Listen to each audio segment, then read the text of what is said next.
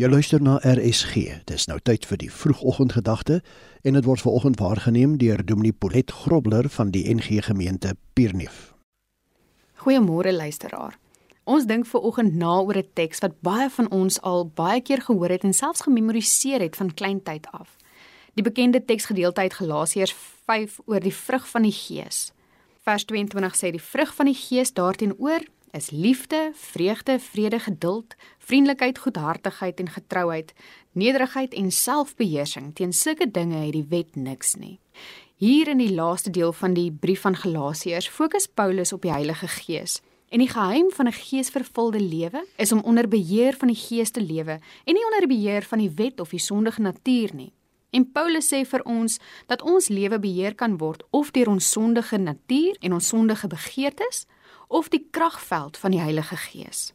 Nou ons as gelowiges weet mos, die woord sê vir ons dat ons nuwe mense is. Ons trek ons ou sondige natuur wat die dood beteken uit soos 'n baadjie en trek die nuwe klere van 'n geredde mens aan. Dis gaan dit oor 'n hartsverandering wanneer ons kinders van God word, 'n totale nuwe manier van lewe. Die feit dat ons kinders van God is, moet sigbaar wees in die manier hoe ons optree deur ons hele wese. En Paulus skryf in die vorige verse dat die lewe sonder die beheer van die Gees beteken dat sekere sondige praktyke binne die gemeenskap van gelowiges vermy moet word. En dan noem hy dinge soos vyandskap en haat, naaiwer, woede, risies, verdeeldheid, skering en afguns.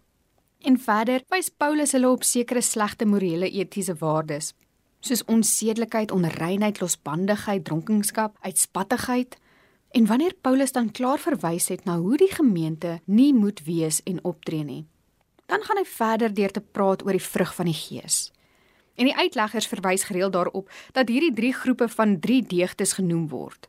Eerstens die gawe van God, liefde, vreugde en vrede, en dan gawes vir die gemeente wat geduld en vriendelikheid en goedhartigheid insluit, en dan die gawes vir die gemeenskap wat getrouheid en nederigheid en selfbeheersing is. Die lewe in die Gees het dus alles te maak met 'n mens se gedrag in die gemeenskap van die gelowiges.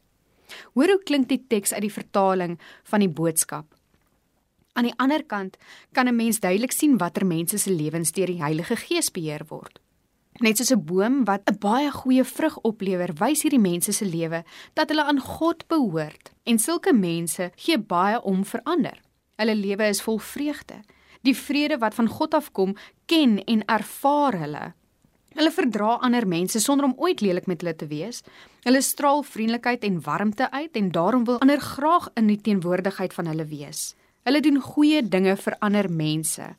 Ander kan altyd op hulle reken omdat hulle self deur dik en dun op God vertrou.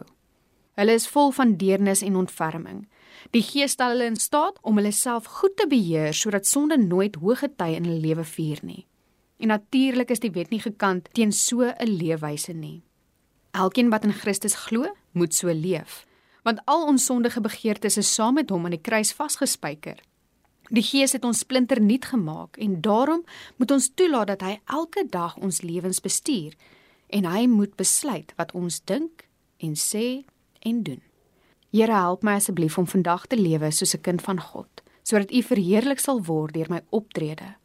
Help my om die slegte te vermy en verander my hart sodat ek tot diens kan wees vir ander. Amen. Dit was die vroegoggendgedagte hier op RSG, waargeneem deur Dominee Polet Grobler van die NG Pierneef gemeente.